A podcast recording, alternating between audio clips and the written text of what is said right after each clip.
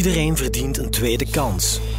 Het is een veelgehoorde uitdrukking, niet in het minst in de rechtbank. Daar gelden deze woorden voor iedereen. Van de kleinste crimineel tot mensen die misdaden van de ergste soort begaan. Maar hoe wordt die tweede kans ingevuld? Hoe moeilijk is het voor ex-gedetineerden om na een verblijf in de gevangenis hun plaats in de maatschappij weer in te nemen? Op welke manier blikken zij terug op hun misstap? En wat voelen ze bij het leed van hun slachtoffers? Maar vooral, hoe kijken ex-daders naar de toekomst? Mijn naam is Geert op Teinde en ik vraag het hen zelf in de Dadertapes. De tape van Tanner, deel 3. Vanuit de cel op de koffie bij een BV. Drieënhalf jaar zit Tanner opgesloten voor poging doodslag in zijn café in Meulenberg. Eerst in de gevangenis van Hasselt, daarna wegens een tuchtsanctie twee jaar in de hel van Turnhout, om te eindigen in het paradijs van Beveren, zoals de ex-cafébaas die laatste strafinrichting betitelt. Tijdens zijn detentie ontdekt Tanner een kunstzinnig talent van zichzelf, dat hij sinds zijn vrijlating verder ontplooit. Het brengt hem zelfs tot bij enkele bekende Vlamingen, die zich intussen de trotse eigenaar kunnen noemen van een van Tanners creaties. Een mooie opsteker dus, al neemt het niet weg dat de man daarnaast ook veel miserie gezien heeft in de gevangenissen waar hij verbleef. Tanner, je hoort wel eens dat de gevangenis soms een broeiaard kan zijn hè, voor criminaliteit, waardoor sommige mensen slechter buiten komen dan wanneer ze binnengingen. Klopt dat met jouw ervaringen? Ja, er zijn heel veel verschillende mensen in de gevangenis. Ook culturen, nationaliteiten, eh, karakters. Voor ene, die pleegt een misdaad, die komt in de gevangenis terecht, die zit een paar maanden of een paar jaar, die komt vrij. Binnen twee weken is hij weer opgepakt, andere feiten, die komt terug naar daar. Uh, voor anderen, ik heb mensen gezien die, die waren twee weken in de gevangenis, die waren echt gek aan worden, die kwamen niet meer naar buiten, depressief, slechtgezind. Maar gevangenis is dat wel een oplossing. Uh, detentiehuizen, nu met bijvoorbeeld 15, 20 personen één huis, kan misschien beter zijn voor, voor terug in de maatschappij te integreren. Uh, maar ja, gevangenis moet zijn, dat moet er zijn. Hè. Anders waren, ja, als je, als je misdaad pleegt en je komt niet in de gevangenis, was dat misschien duizend keer meer geworden. Maar mensen moeten beter uh, klaargemaakt worden voor naar buiten te komen. Heb je in de gevangenis ook veel geweld gezien? Veel geweld. Af en toe uh, wegpartijtje. Uh, en, en de ergste is, je mag er niet tussen komen. Hè? Want als je er tussen komt, zeggen ze dat je het meegedaan hebt. Maar wij mogen er niet tussen komen. Dus ze moeten elkaar opeten of wat. Allee, dat, is, dat, dat, dat is een voorbeeld van eigenlijk... Uh, het moet beter gecontroleerd worden. Wordt, als twee mensen vechten, we zijn daar met 50, 60 man. Als de mensen ertussen komen en, en dan is dat toch opgelost eigenlijk, snap je? Op, in die geval, want soms zie je gewoon raak klappen. Ene valt op de grond, die, die krijgt stampen op zijn gezicht, bloed, alles. Wat willen ze eigenlijk? Uh, of, of wat moeten wij doen? We hebben soms beter ideeën, de gevangenen hebben beter ideeën dan de mensen die de gevangenis onder controle houden eigenlijk. Mm -hmm.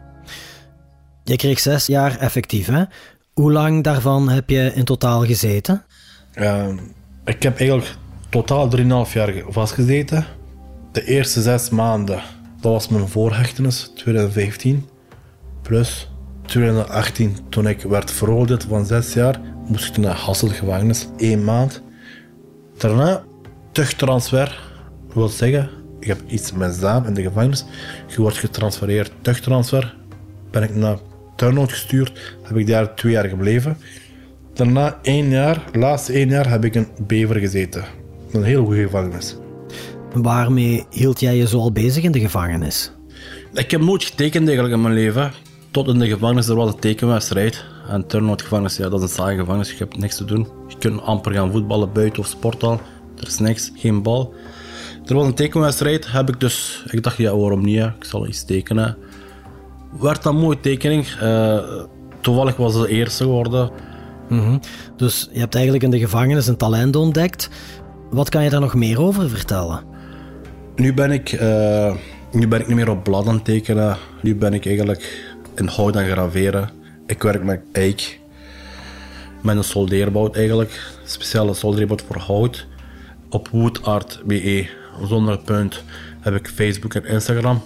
Uh, kunnen mensen mij volgen. Als die, als die producten mooi vinden, kunnen ze bij mij bestellen. Ik heb ook voor de gemeentehuis van Houthalen uh, 10 eikenhout mogen maken.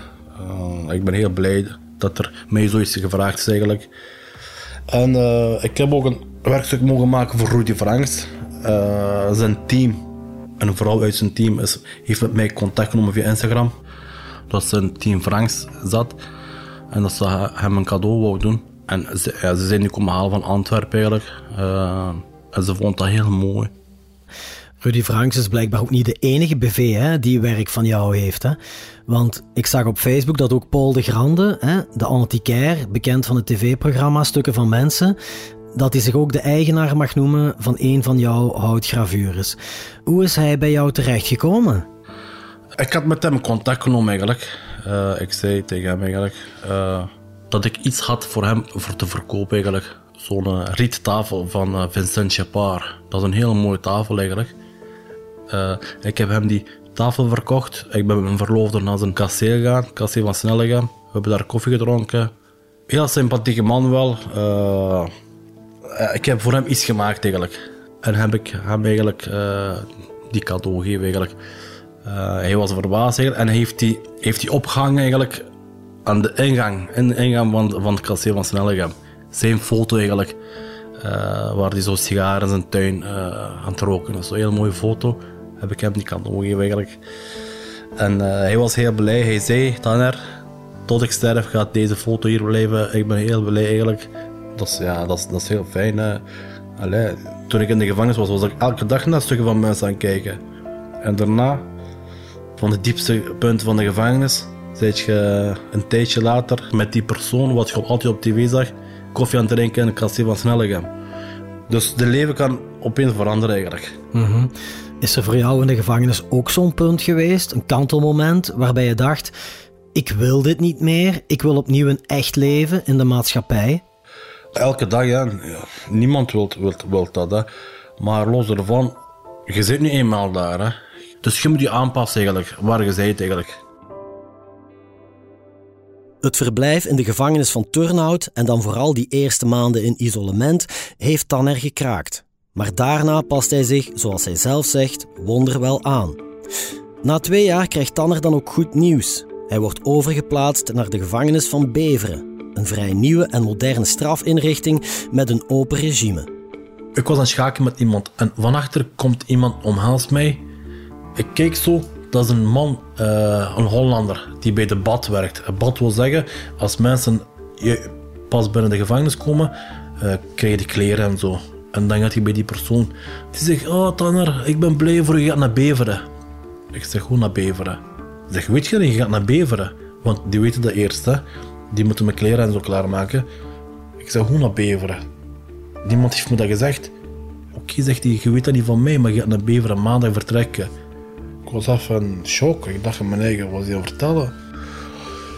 Belde ik mijn ouders, mijn moeder, moeder, ik ga naar Beveren. Ze zeggen, oh, Beveren, wat is dat? Waar is dat? Ik zeg, ma, dat is, dat is een nieuwe gevangenis, 2014 gebouwd, uh, open regime, douche in de cel, uh, dat is alles wat ik weet.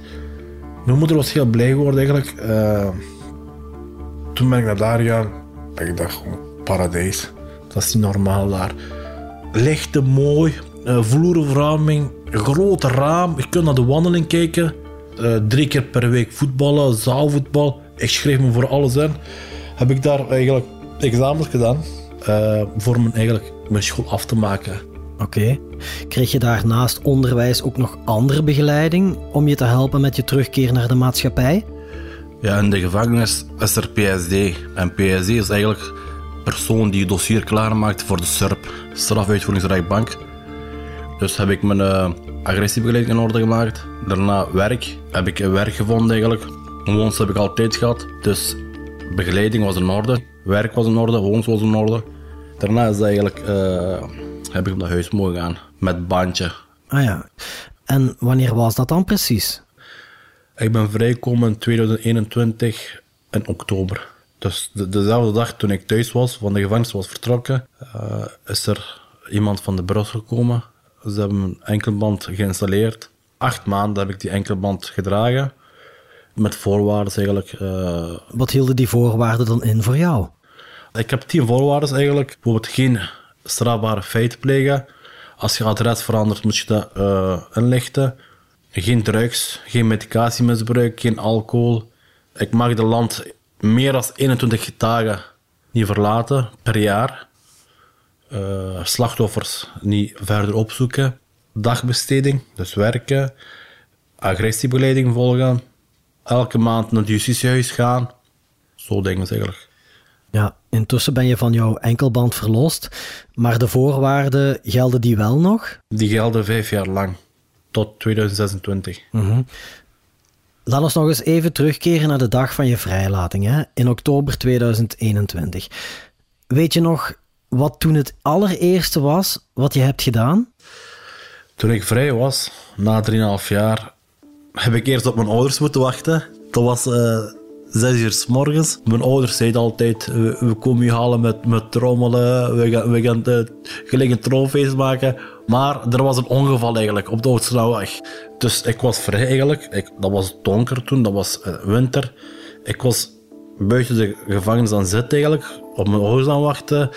Mijn, ja, mijn gsm batterij is plat. Ik dacht, ja, waar zijn die nu? Uh, niemand komt. Ik, ik zie geen trommel of, of ik weet niet waar ze me met plezier komen halen. maar los ervan, dat was zo'n kleine ding eigenlijk. Heb ik mijn ouders gezien. Die gevoel kun je niet uitleggen eigenlijk. Dat moet je eens meemaken. Drieënhalf jaar vastzitten en dan opeens vrijkomen. Er zijn geen woorden voor. Er is echt geen woorden voor, want uh, dat is eerste dagen, je gelooft dat niet. In je eigen bed slapen, je wordt wakker, je ziet je eigen kamer. Eerst geloof je dat niet, dan denk je, oh, dan besef je dat zo eerst een paar dagen, je beseft dan dat je vrij bent eigenlijk. Daarna wordt dan gewoon te... vergeet je de gevangenis.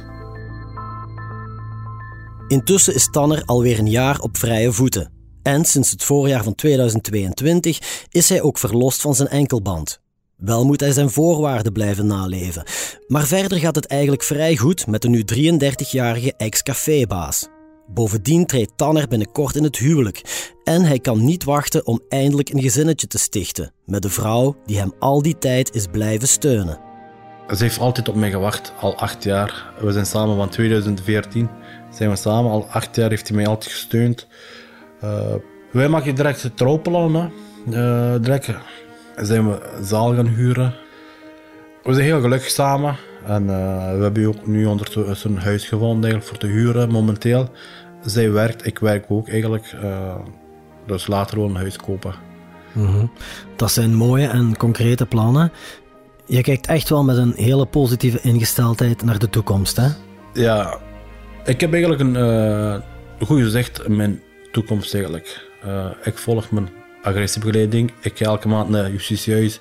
Ik werk. Uh, ik ben altijd een positieve persoon geweest. Hè? Ook al los ervan wat ik heb allemaal meegemaakt. Ook in de café, in de gevangenis. Ik had nooit niet echt stress zo. Ik probeer zo chill te zijn zo. Want ik kan me aanpassen aan, aan de omstandigheden. Aan de dingen wat ik meemaak. Ben ik sterker geworden, niet zwakker geworden. En uh, ik was positief aan het kijken. Ik dacht, ja, ik wil trouwen, ik wil kinderen maken, ik wil op vakantie gaan, uh, huwelijksreis. Ik wil verder met hout. Ik voel me ook er goed in eigenlijk. Uh, dat brengt me rust, met iets bezighouden. Uh, ik heb invaliditeit, maar los ervan heb ik ook aan de controlaars gevraagd. Kijk, ik woon niet al thuis, dus mag ik ook vier uur per dag werken. Ja. Je leeft van een invaliditeitsuitkering, zeg je. Waarvoor krijg je die precies? Ik heb eigenlijk van kleins af aan een ziekte van MDDS. Dat is zo'n zeldzame ziekte, dat is ook niet veel bekend bij de neurologen. Van kleins af aan zei ik tegen moeder, moeder ik ben duizelig. Toen ik acht jaar was, tien jaar was, zijn we verschillende keer naar de dokter geweest. En uh, er is iets eigenlijk in verband met die connectie met mijn eeuwigsorgaan. Daar is een probleem eigenlijk. Want ik voel me altijd op een schip. Dus uh, MDDS betekent malde departement syndroom. Dus een um, ontschepingsziekte. Dus als mensen bijvoorbeeld twee weken lang op de schip zitten en die komen opeens op de land, hebben ze nog altijd het gevoel van dat ze nog altijd varen. Die gevoel heb ik altijd, want ik heb, ik heb de spontane MDDS. Spontaan betekent dat dat begint vanzelf. En uh, ik ben 2017 dat heel hard begonnen. Ben ik spoed naar UZ Leuven gaan. professor heeft me onderzocht, heeft gezegd, eeuwigsorgaan is goed, maar het probleem ligt meer neurologisch. Uh, verschillende keer uh, testen gedaan. Ik moet eeuwigsoefeningen doen, ben kinesiotherapie. In Antwerpen zijn er behandelingen voor, die zijn pas aan het begin eigenlijk. Dat is een speciale cabine wat, wat je laat draaien en zo. Ze zijn met de behandeling nu pas bezig. Ik, ben, ik probeer te kijken van, uh, als, als er nog nieuwe behandelingen komen. Want dat is een heel zeldzame ziekte en die is ook niet heel bekend bij de mensen eigenlijk. Dus eigenlijk zijn er nog maar weinig behandelingen, maar is MDDS wel iets waar je van kan genezen? 100% weet ik niet, maar uh, dat is een beetje afwachten eigenlijk. Maar daarom ben ik ook een beetje begonnen met hout eigenlijk. Als je met iets bezig bent, dan vergeet je dat. Maar soms leed ik er echt onder eigenlijk. Uh, bijvoorbeeld als ik zit, voel ik me altijd op het schip. Ik word heel duizelig. Ik kan niet liggen dan. Hè. Je moet opstaan, uh, want je moet in beweging zijn dan. Dan wordt het iets minder. Maar soms had ik dingen dan dat ik ging vallen eigenlijk. Je moet echt steun nemen van, van, van iets eigenlijk. Anders kun je vallen. Mm Oké. Okay. Tanner, op welke problemen bots jij als ex-gedetineerde zoal, hè? als je na 3,5 jaar weer buiten komt? Financieel, dat is een groot probleem. Uh, mensen hebben ondertussen, uw kameraden die nooit in de gevangenis hebben gezeten, zijn getrouwd, hebben een mooie auto, uh, hebben spaargeld en je moet terug opnieuw beginnen. Je moet eerst werken. Uh, maar gelukkig, ik heb altijd hulp gekregen van mijn familie, van mijn vrouw. maar voor voor iemand die geen hulp krijgt van buitenuit, is het heel moeilijk eigenlijk. Je moet eigenlijk keuze maken. Ofwel wilt je iets bereiken in je leven, gelijk mij, hè, je probeert iets te maken van je, van je talenten, of ga werken, uh, ofwel op een dag zit je terug in de gevangenis. Ja. Jij bent op dit moment vrij gelukkig, denk ik, hè, Tanner. Maar zijn er soms ook momenten waarop je het moeilijk hebt? momenten die ik moeilijk heb, uh, eigenlijk niet vaak, want ik heb het moeilijk al gezien. En alles wat nu is, vind ik makkelijk. Vind ik mooi eigenlijk. Misschien gaat dat niet zo lang duren. Misschien gaat het altijd duren. Ik hoop van wel. Maar ja, het is niet dat ik de gelukkigste mens ter wereld ben. Dat is sowieso niet. Maar ik ben gelukkig. Hoe kijk jij vandaag terug op je misstap uit het verleden? Uh, het moest niet gebeuren wat ik heb gedaan. De grootste misstap was van mij de café open doen. Uh, ik vind het spijtig eigenlijk, maar ik probeer daar niet over veel te denken, want uh, spijt heb ik, ja. Het moest niet gebeuren, meer kan ik niet zeggen. Ja. Je doet het vandaag heel goed, hè? maar als er toch iets is wat je zou kunnen verbeteren, wat zou dat dan zijn? Ik zie veel mensen, veel vrienden van mijn leeftijdgenoot, dat die al kinderen hebben. En die vragen altijd naar mij, wanneer gaat jij trouwen, wanneer gaat jij kinderen maken? Uh, is dat kaal geworden? Ik zeg ja, binnenkort. Hm. Daar kijk je wel enorm naar uit, hè, om een gezin te hebben. Ja, ja. Ga je je kinderen ooit vertellen dat je in de gevangenis hebt gezeten? Ik hoef dat niet te vertellen. Die gaan dat wel te weten komen door mensen rondom mij. Uh, die gaan dat sowieso te weten komen. Mm Tanner, Waarom wil jij je verhaal eigenlijk vertellen in deze podcast? Wat is jouw drijfveer? Waarom ik mijn verhaal wil vertellen eigenlijk? Uh, omdat ik eigenlijk nooit zo uitgebreid gesproken heb over mijn leven eigenlijk. Mensen hebben ook gezegd, waarom maak je een boek? Uh, café-tijden, je hebt daar zoveel mee gemaakt. En dan een gevangenistijden, nu dat je vrij, nu dat je totaal met iets anders bezig. Hoe kom je al op die ideeën? Het was eigenlijk niet mijn verhaal vertellen. Het was eigenlijk gewoon een beetje mijn uh, uiten. Dat was meer zo eigenlijk. Mijn hart luchten. En uh, als mensen naar daar luisteren en die vinden het interessant, dat zou ik leuk vinden eigenlijk. Want dat is niet iets wat elke mens meemaakt. Mhm. Als je jezelf tot slot iets zou kunnen toewensen, wat zou dat dan zijn? Ik zou mijn eigen een gelukkig leven toewensen. Mijn vrouw heeft heel lang gewacht op mij. Dat we samen gelukkig worden en uh, dat ik het financieel beter heb later dan nu. Want ik ben een werker, altijd gewerkt. En dat ik ook zo arme mensen kan helpen. Eh, ik zou eigenlijk mensen die in de put zijn altijd willen helpen eigenlijk. Dat is mijn doel eigenlijk. En uh, alles komt goed.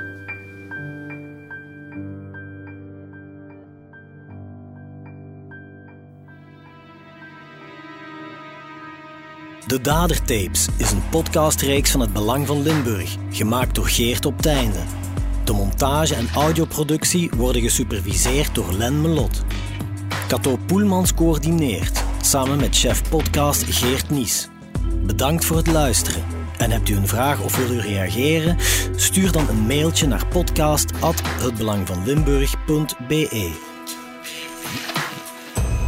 Benieuwd naar wat er in de wereld gebeurt en wat dit juist betekent voor onze provincie? Ontdek onze voordelige leesformules op hbvl.be/voordelig.